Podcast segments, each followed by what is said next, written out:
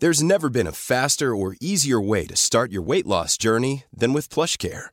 PlushCare accepts most insurance plans and gives you online access to board-certified physicians who can prescribe FDA-approved weight loss medications like Wigovi and Zepbound for those who qualify.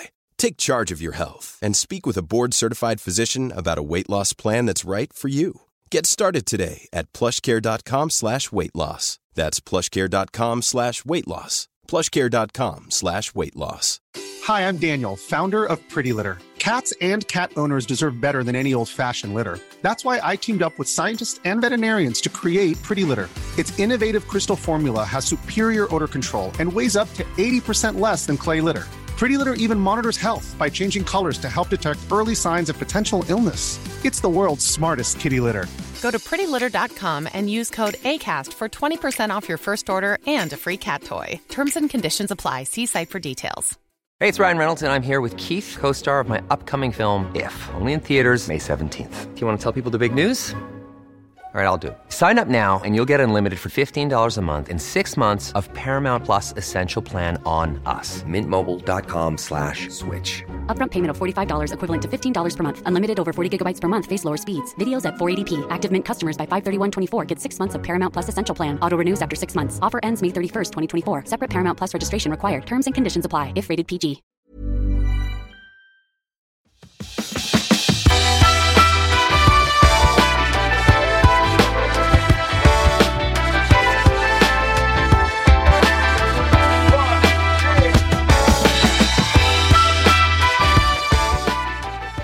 Hej och välkommen till avsnitt 58 av Klimakteriepodden med mig, Åsa Melin. Ett av de hetaste ämnena man kan tala om just nu är låggradig inflammation. Detta elände som verkar vara roten till det onda. För visste du att hormonbalansen påverkas av inflammationer? Men inte bara det, utan även ångest, oro, kroniska sjukdomar, allergier, cancer, ledsmärta, ja i stort sett allt verkar det som. Men eh, ja, frågan är ju vad triggar inflammation?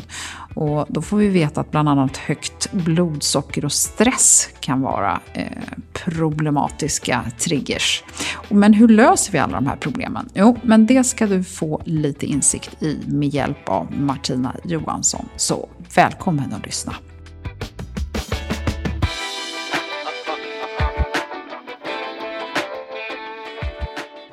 Martina Johansson, välkommen till Klimakteriepodden. Tack så mycket. Eller välkommen tillbaka ska jag säga. Ja, det är jättekul att vara tillbaka äntligen. Ja, vi har haft förmånen att ha dig med i avsnitt 21. Mm -hmm. Och då pratade vi om hormoner och vi pratade väldigt mycket om att det inte bara är könshormoner som styr våra kroppar utan massor med andra spännande. Och där har ju du en fantastisk bok som heter Hormonbibel 2.0. Mm -hmm. Men idag så ska vi prata om en ny bok som handlar om inflammation, roten till sjukdom och hur du själv kan läka. Mm. Och det här har du inte bara gjort alldeles själv. Men berätta lite, du är ju inte bara författare utan du är ju civilingenjör i medicinsk teknik. Stämmer, ja. Och så, eh, så är du också vetenskaplig redaktör. Berätta, ja. vad innebär det? Det innebär att jag läser och granskar vetenskapliga artiklar innan de publiceras i sina tidskrifter. Så att jag läser och reviderar mycket forskning och det är så som jag håller mig uppdaterad. Så det är en kombination av intresse och jobb kan man säga. Och är det så du hittar ämnena för kommande böcker? Det är det faktiskt inte. Eh, men det hjälper att vara påläst. Men eh, jag går mycket på trender och också ett intresse av att självläka och att må så bra som möjligt. Så jag är ganska bra på att plocka upp eh, grejer som trender och sådär. Så det är därifrån inspirationen kommer mer än någonting annat. Mm. Och du har ju en otroligt populär blogg och mm. du skriver för, du har ju en otrolig lyssnarskara och följarskara på Instagram och så vidare. Eh, men nu har du också valt att ta med en medförfattare som heter Ralf Sundberg. Och mm. Han är läkare och docent och han föreläser också. Jag eh, såg också spännande att han har varit med och avslöja Macchiarini mm. i den här stora härvan på Karolinska i Stockholm. Yes, det stämmer. Hur har ni två bondat ihop er då?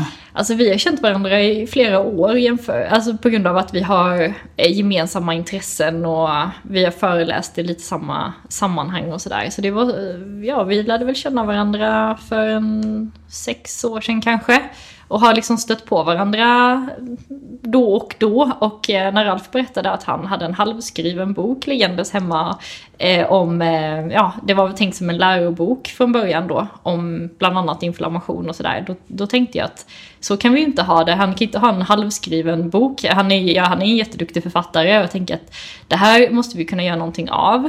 För han hade en annan, eh, en annan medförfattare från början som inte riktigt liksom, eh, ja, levererade sin del av dealen. Eh, så att jag tog upp tråden på det då och tillsammans så gjorde vi om den här boken till en mer populärvetenskaplig bok som fler kunde ta del av. Så att vi lättade upp innehållet lite för den var väldigt tung från början. Det Ralf hade skrivit var väldigt mycket medicin, mycket biokemi och väldigt eh, mycket ja, men, ren kemi som vi har liksom gjort om för att det ska bli mer läsbart och för att eh, fler ska kunna liksom, använda informationen. Och vi har även gjort liksom, lite mer så här how to, hur man, hur man tar till sig det och vad man ska göra med det. Mm. Och jag kan ju vittna om att den är lättläst. Jag mm. har läst den nu tre dagar på raken här för Oj. att ta till mig så mycket som möjligt. Jag tycker det här är superspännande. Men berätta för mig, varför kommer det här med information upp överallt nu? Mm. Vart man än vänder sig eh, så tycker jag att man läser om inflammation och roten till, att det är roten till det onda. Berätta, vad är grejen? Så jag tror dels att tiden har varit lite inne för det nu, för att det är ju många som har grävt i det här hälsospåret i några decennier nu och liksom hur ska vi leva, hur ska vi äta, varför är vi så sjuka? Och nu de senaste tio åren så har ju människor blivit sjukare och sjukare och även barn har blivit sjuka. De, det är inte bara eh, fysiska sjukdomar utan det är ju också ja, mycket mentala problem som ADHD och sånt. Och man undrar ju liksom var, var kommer allt det här ifrån? Varför har vi blivit så sjuka nu? Och vi blir ju äldre och äldre men samtidigt så är det många som eh, inte mår bra. Liksom, I alla olika åldrar så är det, ökar ju ohälsan. Och eh, sen, jag tror det var tre år tillbaka, fyra, fem år tillbaka kanske, så började ju många fokusera på sin tarmhälsa. Och det vet man ju nu att ungefär 75% av immunförsvaret sitter i tarmarna. Okej, då har vi ju en ledtråd där, eller vi har två ledtrådar. Vi har immunförsvar och vi har tarmar. Och när vi äter mat, ja givetvis, det interagerar med våra tarmar. Eh, maten påverkar tarmfloran, tarmfloran påverkar vårt immunförsvar. Och har vi ett dåligt immunförsvar, eller ett sänkt immunförsvar, då drabbas vi lätt av eh, låggradiga kroniska inflammationer. Och det har man sett att det är ju en, eh, en, går som en röd tråd i så många olika hälsotillstånd. Allt från ja, alltså ledproblem till eh, mentala problem som oro, ångest, depression och sånt. Så att det är verkligen en, man kan se de här, det går ju att mäta inflammation och man har ju sett det, liksom, att det är så många som har förhöjda inflammationsmarkörer. Och det, då, vad, hur mäter man det? Pratar vi blodprov ja. eller vad gör man? Blodprov, ett blodprov. Och vad eh, heter det provet man tar? Eh, man kan ta en snabbsänka, eh, vad man gör på vårdcentralen. Och eh, man kan också ta en, lite, ett annat test eh, som är, eh, ja man brukar ta det via venöst prov. och då ser man sin inflammation lite mer över tid.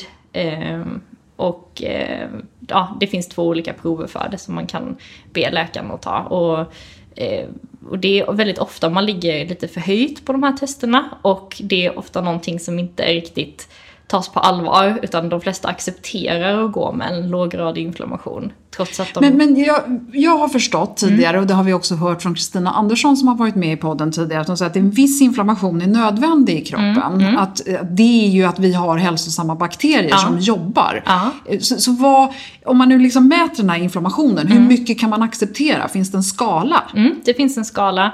Eh, och eh, ja, mellan noll och upp hur högt som helst i princip. Men eh, man brukar säga att kvinnor ska ligga ja, under 10 i alla fall och män ligger lite lägre. Kvinnor ligger högre på grund av menstruation och andra processer. Eh, ligger man upp mot 30 så kan det fortfarande anses som normalt. Eh, men i min värld så är det definitivt för högt och man skulle må bättre av att sänka det. Men några liksom, frihetsgrader har man ju. Om man Mm. har liksom, några enheter så är det fortfarande okej. Men Och, och desto äldre man blir, desto högre får man ligga för att vara normal. Kan man säga så? Precis. Eh, Är man över 60 till exempel, då är det ingen som rycker på axlarna om man har liksom en ja, sänka på 20-30. Men är man i 20-årsåldern så anses det liksom för högt då. Men eh, vad jag och Ralf eh, diskuterar då är ju att varför ska man acceptera inflammation bara för att man blir äldre? Det tycker inte vi känns rimligt. Varför ska man acceptera ohälsa bara för att man är över en viss ålder? Nej, men är inte det för att man har utsatts för slitage under så lång tid och våra organ inte riktigt är lika pigga och kan rena oss och fixa oss lika bra, eller? Nej, det är det inte. Utan det är ju att Eh, äldre personer, eh, visst, de har levt längre, men de kanske också har en, haft en sämre livsstil under lång tid som påverkar inflammationen. Och att unga personer, dels, okej, de har en annan kapacitet, men samtidigt så kanske de inte utsätts för lika mycket under lika lång tid. Så att, jag menar, är man äldre så tycker jag nästan det finns en större anledning att försöka jobba med sin inflammation för att undvika de här eh, livsstilssjukdomarna som kan komma när man eh, åldras.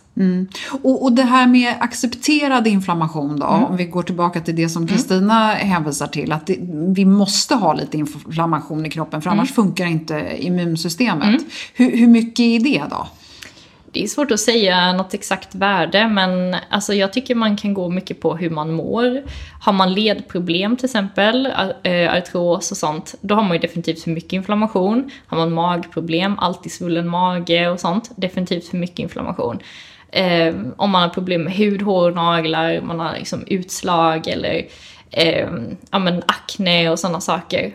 Det är ju ingenting som jag tycker att man ska acceptera. Det är liksom hela tiden inflammatoriska processer som är liksom för mycket. Likaså allergier, definitivt. Men allergi är en form av inflammation förstår jag när jag läser er bok. Ja. Mm, Yes, det är det. Och det kan man bli av med. Om man sänker inflammationsnivåerna i kroppen så kan man bli av med sina allergier. Ni refererar ju till över 90 studier och rapporter och artiklar i, i den här Mm. eh, boken. Och det som förvånar mig lite grann är att det är många som inte är så nya. Mm. I, i, du sa i början här att eh, du tror att det beror på att tiden är inne. Mm. Men i och med att det är så mycket forskning som ändå har lite, några år på nacken, har det här inte nått ut i vården? Jag tänker... Mm. Nej. Det har det inte. Nej, berätta. Nej, alltså mycket forskning är ju inte, som är bra är inte så himla ny och det, jag menar, det finns forskning från början av 1900-talet som är jättebra och som man fortfarande skulle kunna använda där de har gjort liksom jätterigorösa upptäckter och sånt. Men sen, jag menar, nu är det ju de senaste åren så har det ju förekommit liksom en ökande mängd forskningsfusk och det har inte varit lika tillförlitligt med mycket studier och sånt. De studierna som vi gillar och liksom förlitar oss på, de är väldigt så här baserade på eh, fysiologi och på biokemi. Eh, och eh, då gör det ingenting att studierna är lite äldre för att då, då är det liksom fortfarande baserat på liksom en biologisk grund, eller vad man ska säga. Eh, Medan ny, många nya studier kanske är mer så epidemi... Epi, vad heter det? Epidemi... Epidemiologiska, Ja. eller? Exakt, det var det ordet jag var ute efter. Och där man har gjort liksom koststudier och sånt och man har tittat väldigt smalt och sånt på, på någonting och där man kanske ändå inte får ut så himla mycket information av det. Men, men här finns det ju ett problem för att ni har ju valt ut, ni har ju valt Mhm. att tro på ett antal studier och Mm. sen så finns det någon annan som väljer att tro på en annan studie. Mm. Och vi stackars vanliga människor, hur, vad ska vi tro på? Alltså, vad vi skriver om i boken, det är ju ganska mycket basic fysiologi och biokemi. Så att det är ju inte egentligen några nya rön eller någonting sånt, utan det är ju egentligen mer hur kroppen fungerar. Och det är ju liksom ganska lätt att argumentera för att den fungerar på det sätt den fungerar, för att det går att mäta. Man kan titta på data, man kan mäta på sig själv, man kan göra blodtester av alla, alla slag och se hur kroppen reagerar. Så att, Eh, det är ju inte liksom direkt några så här fantastiska nyheter utan det är ju lite mer ja, men fysiologi för allmänheten. Att det här, så här funkar kroppen, det här händer när du gör så här, så här kan du göra istället. Eh, om man tar klimakteriebesvär nu Mm. eh, så är ju inte det eh, övergångsbesvär får vi väl kalla det för. Mm. En av de, för om vi bortser från det här med stress, irritation, svårt med minne Mm. och så vidare så har vi också några fysiologiska problem vilket då många drabbas hårt av värmevallningar till exempel. Det refererar man ju till att det har att göra med att värmeregleringssystemet i hjärnan tar tid på sig att anpassa sig medan östrogennivåerna går ner. Hur, hur, hur tänker du där, just med de här klassiska klimakteriebesvären? Är det överhuvudtaget, för jag tänker att en del kvinnor drabbas ju inte alls av klimakteriebesvär trots att de eh, går igenom det. Ja, absolut. Eh, Och har det att göra med hur inflammerade de är eller hur de inte är? Eller är det här bara hormonellt? Eh, hormonerna påverkas ju jättemycket av inflammation och klimakteriet blir liksom jobbigare om man har mycket kronisk låggradig inflammation, definitivt. Och eh, alltså det är jättetydligt att se till exempel hur personer som har svårt att reglera sitt blodsocker också har mer problem med värmevallningar till exempel. Eh, och högt blodsocker får man ju mest på grund av hur man väljer att äta. Om man äter mycket snabba kolhydrater får man ofta mer problem med värmevallningar. Om man äter mer artegen föda, mer kött och grönsaker, naturliga fetter, får man oftast eh, ett bättre blodsocker och bättre eh, värmereglering. Okej, så, så hormonell balans eh, triggar ju då många av våra besvär. Hur, Ja. hur kan man då ta itu med det?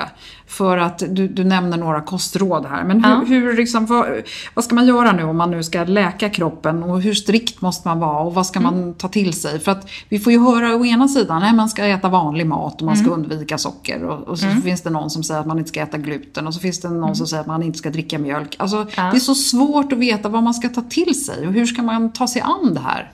Det, jag håller verkligen med om det. Men eh, det, en viktig hörnsten i själva livsstilen är ju eh, stressen. Att ta tag i sin, in livs, i sin livsstress. Och det tror jag faktiskt att vi pratade om förra gången jag var här också, i det förra avsnittet. Hur viktigt det är det här med ehm, eh, hur man lever och även hur man förhåller sig till sin ja, men till sitt liv och att liksom fatta beslut för sin egen skull och ta tid för sig själv och liksom ta tid till att träna och ta, ta tid till egenvård och sånt. För att just stress eh, blir mer och mer toxiskt för kroppen ju äldre vi blir. För att vi har eh, våra binjurar som producerar stresshormonet kortisol.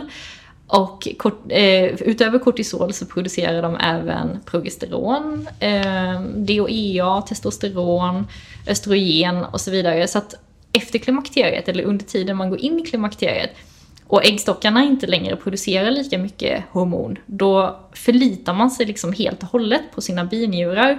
Och om de är upptagna med att producera massa kortisol för att man är uppe i varv, man är stressad och man kan liksom inte riktigt fixa sin livsstress, Eh, givetvis så blir klimakteriebesvären mycket jobbigare för att man får mycket mindre könshormoner. Alltså man, man, den kapaciteten som binjurarna har att faktiskt tillgodose oss med tillräckligt med progesteron och sånt för att klara av en bra övergång till klimakteriet, då har inte de liksom den förmågan om de hela tiden måste, för att de prioriterar alltid stresshormoner för att stress är ju liksom en, en krissituation och det handlar om vår överlevnad.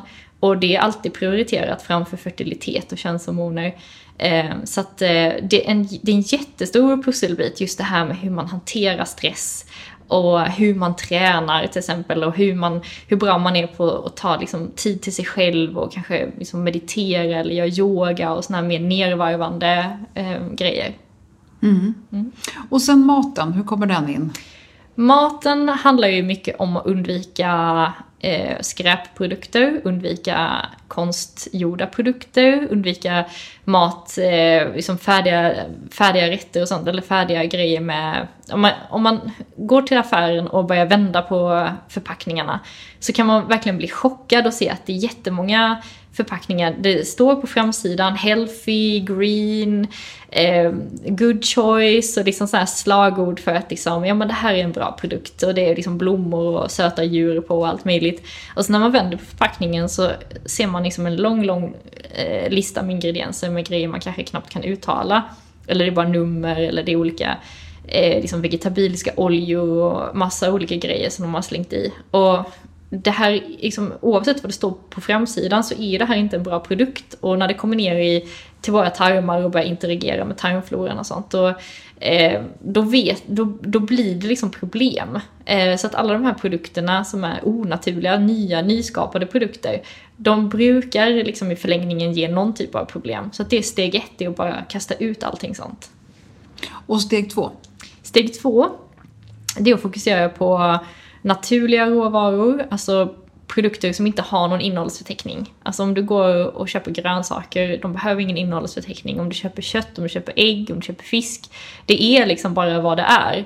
Så det är steg nummer två. Steg nummer tre är att börja titta på kvaliteten på maten, oavsett vilken kosthållning vi väljer, så att man väljer livsmedel av bra kvalitet.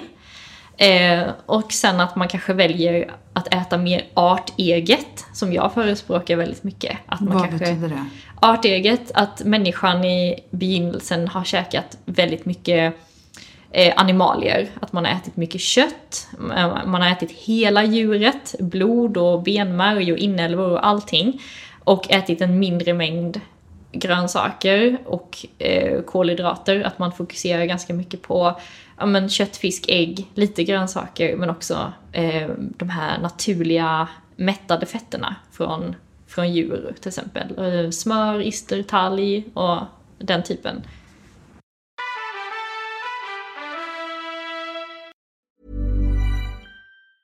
There's never been a faster or easier way to start your weight loss journey than with PlushCare.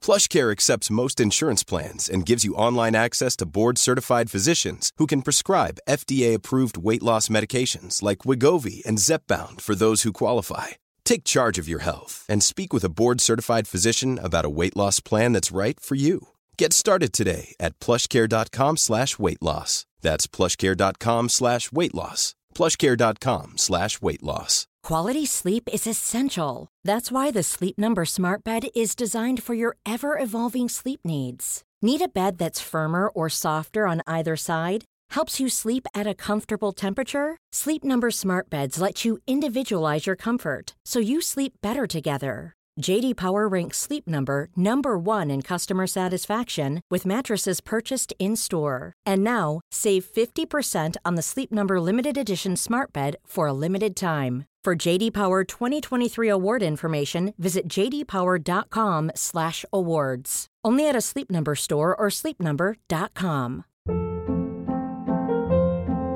Hold up. What was that? Boring. No flavor. That was as bad as those leftovers you ate all week. Kiki Palmer here, and it's time to say hello to something fresh and guilt-free. Hello Fresh. Jazz up dinner with pecan-crusted chicken or garlic butter shrimp scampi. Now that's music to my mouth. Hello Fresh. Let's get this dinner party started. Discover all the delicious possibilities at hellofresh.com. Det är härligt att klimakteriets tabu äntligen är på väg bort. Vill man försöka klara sig utan hormonbehandling så finns nu många nya kosttillskott som lovar bland annat hormonell balans och som ska stötta brister. Jag vill lyfta min räddare i nöden, Femarel. Det har inte bara varit min utan många andra kvinnors räddning i över 20 år. Och med lång tid på marknaden, med nöjda användare, dessutom med 20 forskningsstudier så vågar jag säga att det kan vara en god idé att prova Femarel. Femarel finns på apoteken och i hälsokostbutiker. Tack Femarel som varit min samarbetspartner i många år.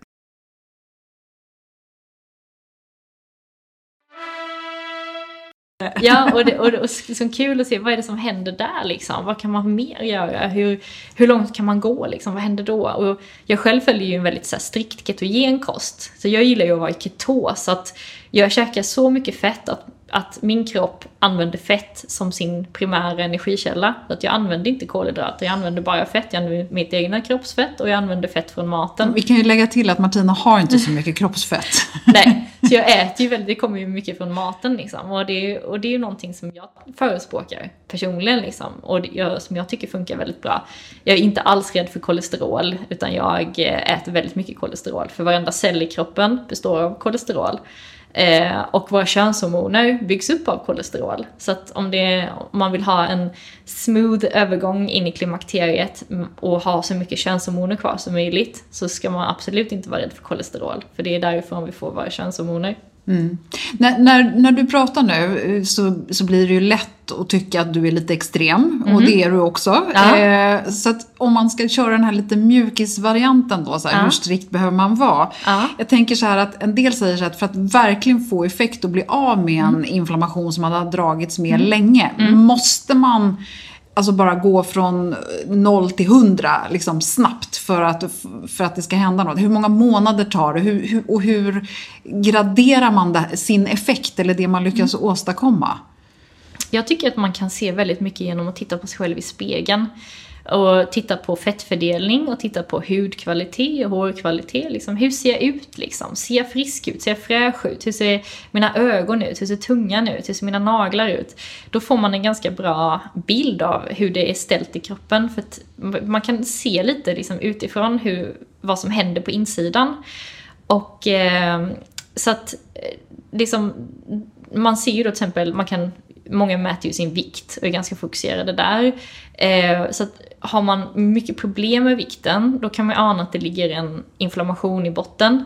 Eh, för att, att, kroppen jobbar med någonting och att den därför, för att inflammation är en katabol process, en nedbrytande process och viktuppgång är en anabol, en uppbyggande process. Så har man hela tiden viktproblem som man kämpar med så kan man ana att kroppen försöker kompensera för någonting, den försöker liksom bekämpa inflammationen. Så då kan man med... Så vad menar du? Att den, de kalorierna man tar in, mm. använder den till att bekämpa inflammation? Mm, eller den börjar lagra in fett för att liksom skydda sig själv. Okej. Okay. För jag ja. tänker annars borde det gå åt mer energi om man mm. hade mycket inflammation. Ja, det är, tvärtom är det så att då, då vill kroppen liksom rusta upp liksom inför den här krisen. Jaha. Det är också därför man ofta går upp i vikt när man är mycket stressad och sånt. För att det är en kris och kroppen vill då samla fettet mitt på kroppen där det är lättillgängligt och man vill liksom kunna använda det snabbt i en krissituation.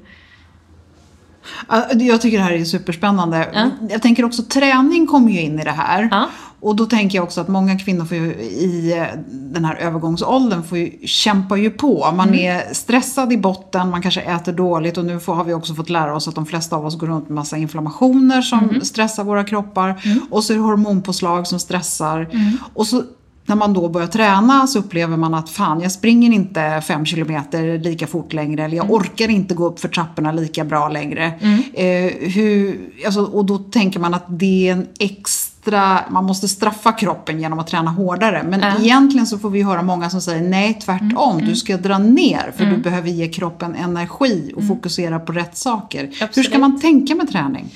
Ja, alltså den träningen som man gör, den ska inte vara katabol träning, nedbrytande, stressande träning. Så att jag är ju inte ett jättestort fan av cardio, alltså spinning, löpning och den typen av träning för att det är oftast någonting som är väldigt nedbrytande och många använder den för att gå ner i vikt.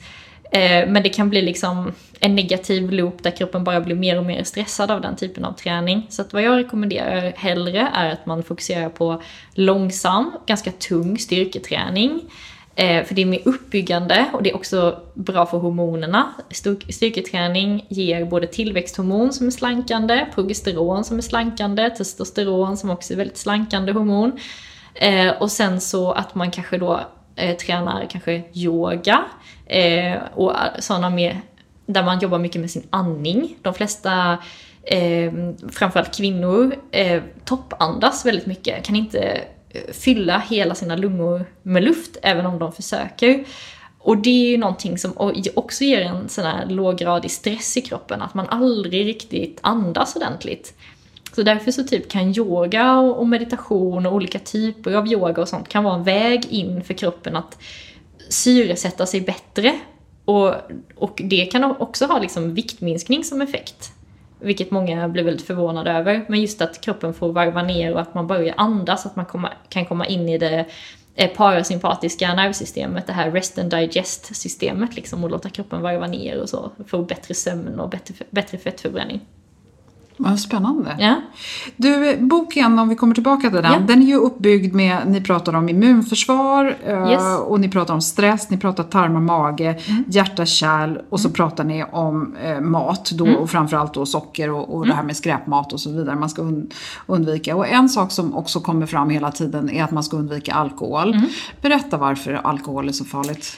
Ja, alkohol är ju ingen hälsoprodukt. Nu utmålas det ofta så i media att rödvin, lite rödvin här och där och sånt, att det är liksom, ja men det är bra för hälsan, det är bra för kärlen och sånt. Men eh, alkohol är ju ett gift för kroppen och när vi dricker alkohol så behöver eh, kroppen ta hand om det i första hand och liksom pausar precis alla andra processer i kroppen för att vi är förgiftade. Och eh, alkohol är stressande, det ger en biologisk stress i kroppen. Vissa använder det för att slappna av och sådär. Och det kan väl ha liksom en temporär positiv effekt men i längden så är det nästan alltid negativt. Och kan man dra ner eller kanske till och med sluta helt så kommer det definitivt vara bättre för hälsan att inte dricka alkohol. Men det här med att göra saker ibland, Mhm. att äta godis ibland, Mm. att ha fredagsmys ibland. Ni tar, ju, ni tar ju upp det som Mm. någonting som man ska försöka undvika. Eh, Sabbar man hela veckans eh, vällevnad genom att frossa på helgen? Mm, det gör man definitivt. Det är väldigt många som förstör hela veckan genom att just frossa på helgen.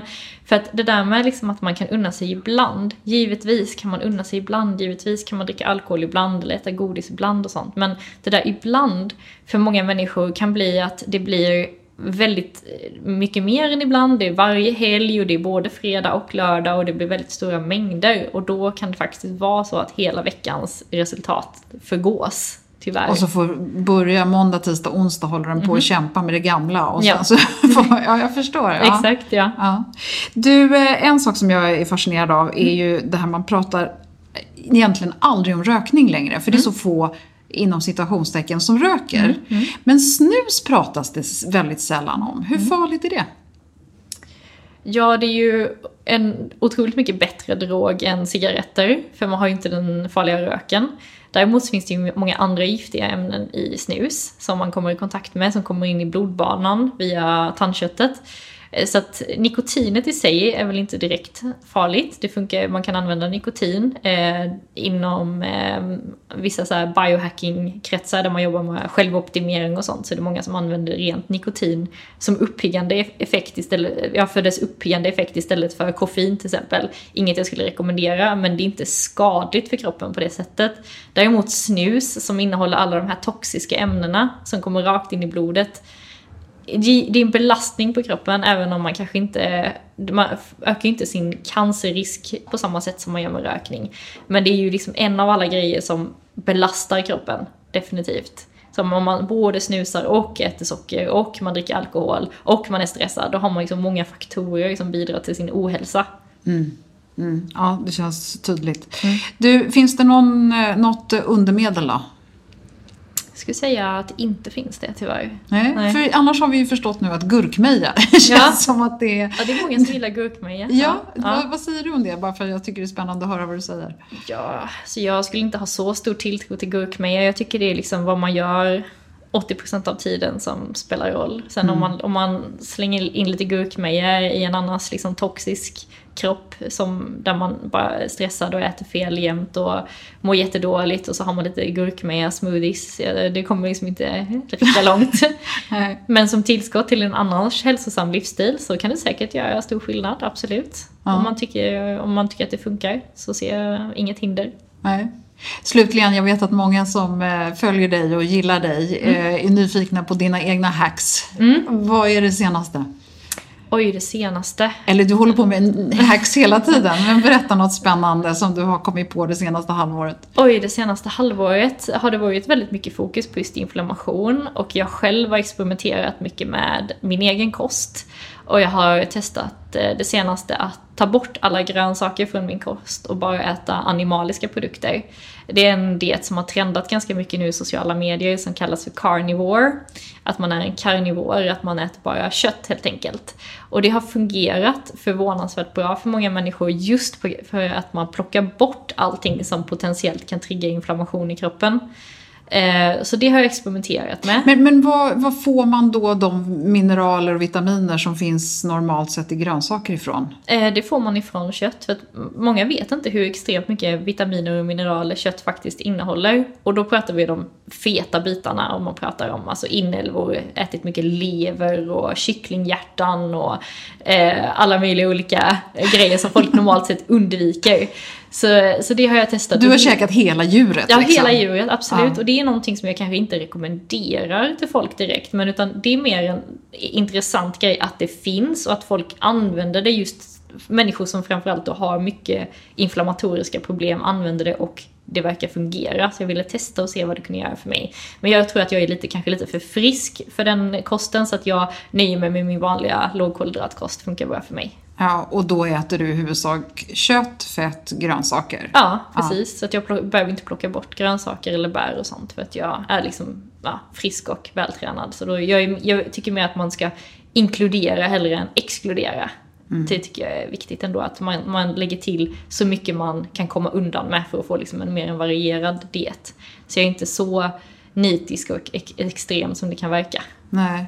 Nej, men det, det känns ju tryggt höll jag ja. på att säga. För jag tror att många blir lite avskräckta när de har det här att vi som bara, okej, okay, åka och köpa ett lamm och sen börja mm. käka. Ja, det, det låter liksom lite extremt. Ja. Men du, eh, tusen tack Martina, mm. så spännande. Ja, jag tycker den här boken känns eh, fantastisk. Vi pratar ju, ni pratar ju också jättemycket om cancer och Aha. hur det uppstår, hur det är en av, eh, att inflammation är en av triggersarna och så vidare. Mm. Så jag kan varmt rekommendera den här boken. Jag tycker den är superspännande. Vad roligt. Ja, ehm, och jag tänker att vi kan kanske lägga upp någon liten spännande länk till mm -hmm. din blogg som mm. du alltid skriver spännande saker på så får yes. man läsa och höra vidare om dig där. Mm. Har vi missat någonting som vi behöver lägga till som är viktigt med den här boken? Oj.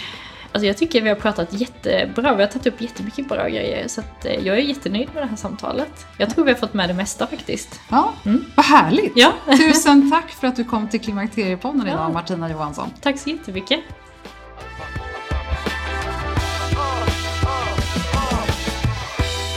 skulle det vara spännande att göra en liten städning i vad man utsätter sig för. Tänk om resultatet blir ordning på hormonbalansen och därmed bättre sömn, balanserad vikt och skönare psyke. Om du gillade Martina så missa inte avsnitt 21 om du inte redan har lyssnat på det, för där var hon med och talade om alla möjliga olika sorters hormoner som balanseras i vår kropp. På klimakteriepodden.se och Klimakteriepodden på Facebook så hittar du länkar till flera intressanta artiklar som Martina har skrivit, så missa inte det.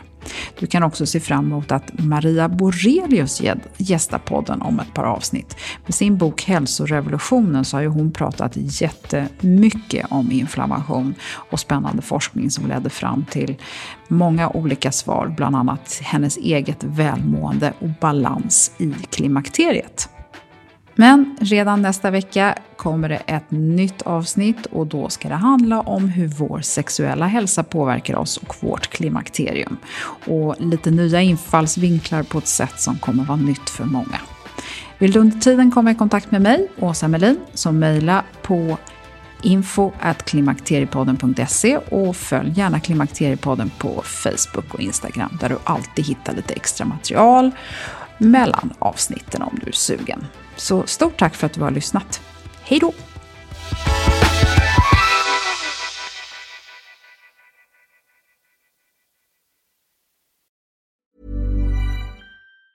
Hey, it's Danny Pellegrino from Everything Iconic. Ready to upgrade your style game without blowing your budget? Check out Quince. They've got all the good stuff, shirts and polos, activewear and fine leather goods, all at 50 to 80% less than other high-end brands. And the best part? They're all about safe, ethical, and responsible manufacturing. Get that luxury vibe without the luxury price tag. Hit up quince.com slash upgrade for free shipping and 365 day returns on your next order. That's quince.com slash upgrade. Ever catch yourself eating the same flavorless dinner three days in a row? Dreaming of something better? Well, HelloFresh is your guilt free dream come true, baby. It's me, Gigi Palmer. Let's wake up those taste buds with hot, juicy pecan crusted chicken or garlic butter shrimp scampi. Mm. Hello Fresh. Stop dreaming of all the delicious possibilities and dig in at HelloFresh.com. Let's get this dinner party started. Imagine the softest sheets you've ever felt. Now imagine them getting even softer over time. That's what you'll feel with Bowl and Branch's organic cotton sheets. In a recent customer survey, 96% replied that Bowl and Branch sheets get softer with every wash. Start getting your best night's sleep in these sheets that get softer and softer for years to come. Try their sheets with a 30-night guarantee. Plus, get 15% off your first order at bowlandbranch.com. Code BUTTERY. Exclusions apply. See site for details.